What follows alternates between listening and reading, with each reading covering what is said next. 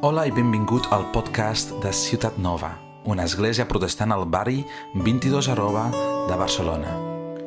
Jo em dic Guido, sóc un dels pastors d'aquesta església i de forma excepcional et dono la benvinguda a la nostra sèrie Els forasters, sobre la primera epístola de Pere, una carta escrita per aquest apòstol tan conegut a unes quantes esglésies petites en una regió bastant llarga, coincidint amb el que avui seria Turquia. Potser coneixes la sèrie de televisió sobre aquest home que visita els pobles més petits de Catalunya i s'hi passa 48 hores. Mai sembla, però, ser un foraster de veritat. De forma immediata connecta amb la gent i té les converses més excel·lents amb la gent més interessant. Nosaltres, però, sovint ens podem sentir forasters, estrangers, no necessàriament perquè vivim en un país o una ciutat on no vam néixer, sinó perquè som creients i pertanyem a l'Església. Participem en la nostra societat, però d'alguna manera sempre ens trobem a fora de la mateixa. Pere reconeix aquesta tensió i ens mostra la realitat de ser tant un exiliat, un foraster, vivint en la dispersió, però no com un accident o coincidència, sinó com a part de ser escollit per Déu, per ser el seu poble, i representar-lo aquí, a la terra. Pere mateix havia hagut d'arribar a entendre la seva pròpia identitat davant de Crist. Abans havia sigut aquest líder del grup dels dotze, l'home amb grans conviccions i idees. Potser pensava que Jesús tenia sort de poder comptar amb ell. Però al llarg dels evangelis veiem com Pere havia de reconèixer que Jesús no necessita gent forta amb grans plans. Pere mateix havia de caure, sentir la seva pròpia feblesa i adonar-se que Jesús no el necessita a ell, sinó al revés, que Pere necessita a Jesús. Només en aquest moment va arribar a ser útil per Crist. Feble, però un testimoni d'un Salvador poderós.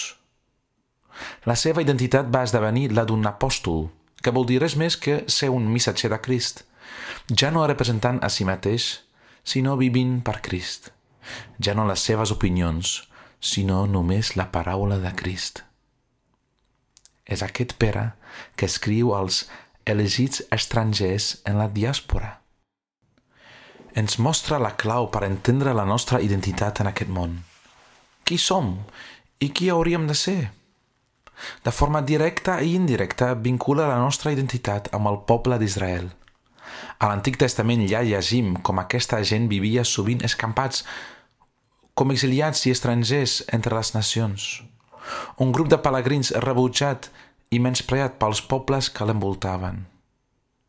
En tota la seva feblesa, però, Israel havia de ser un testimoni del poder salvador de Déu. Si hi hagués una nació que no es podia salvar a si mateixa, era Israel. No era la seva força, sinó la força de Déu, la que havia de ser manifestada en i a través d'aquesta nació tan fràgil. En el llibre d'Èxode pots llegir com Déu va rescatar el seu poble de l'esclavitud del poderós Egipte. I quan els havia fet sortir i escapar del faraó i el seu exèrcit, Déu els va portar al mont Sinaí i allà els va donar la seva llei, dient, Vosaltres sereu el meu poble i jo el vostre Déu. Jo us he redimit, jo sóc el vostre rei. I en el capítol 24 llegim com el poble va rebre aquesta llei i li va jurar obediència. Llavors, Moisès, el líder, va espargir la sang d'uns bous sobre el poble. Era la manera de mostrar que ara, havent sent redimits per Déu, li pertanyien i li devien la seva lleialtat. Mostrava el vincle entre el poble i Déu i Déu i el poble. També volia dir que ara els enemics d'Israel s'enfrontava primer de tot amb el seu rei, que curiosament és el creador de l'univers. És important tenir aquest context en ment quan llegim el segon verset del primer capítol, elegit segons la presciència de Déu Pare en la santificació de l'Esperit, per l'obediència i l'expressió de la sang de Jesucrist. Pere fa referència a aquest context de l'Èxode.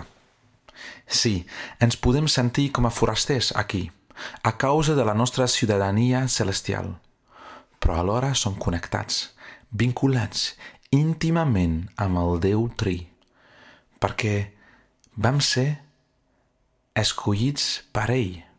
La nostra posició com a pelegrins en aquest món no és un mer efecte secundari de ser un creient, sinó és part intrínseca del mateix pla de salvació. Estem en relació amb la Trinitat, i això no a causa del que nosaltres hem fet, sinó per l'obra de salvació del Déu Tri, el pla etern del Pare, preparat per l'Esperit Sant, que ens va apartar pel seu servei i redimits, rescatats, comprats i segellats no amb la sang de bous, sinó la sang del fill del Pare, la sang de Jesucrist, el nostre rei a qui nosaltres ara devem la nostra lleialtat i obediència. La nostra tasca llavors és lluar aquest Déu per la seva salvació. Perteníem a la seva família, esperant la nostra herència que mai no s'esvairà. Hem rebut una nova vida a causa de la resurrecció de Jesucrist i per tant vivim en plena esperança de la vida eterna. Això són dos dels components més significants de la identitat del creient. La relació amb Déu i l'esperança eterna, coses que investigarem més en profunditat en les properes setmanes. Units al Déu Tri, li pertanyem, a causa de la seva obra al nostre favor – la nostra posició en la nostra societat no és un accident, és qui som, és part de la nostra identitat i missió.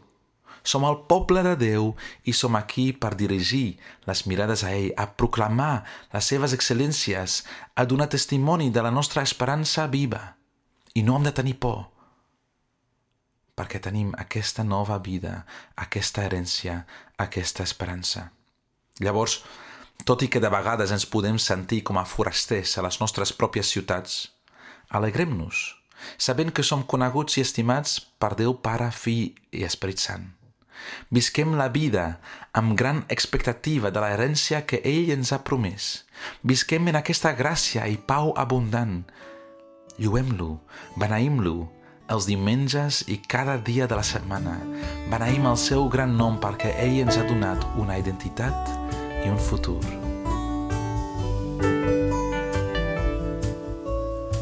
Gràcies per escoltar. Espero que gaudiràs d'aquesta sèrie. Si tens preguntes respecte al seu contingut o vols tenir una conversa sobre l'Evangeli, no dubtis en contactar-nos. El nostre correu electrònic és info arroba cn22.org.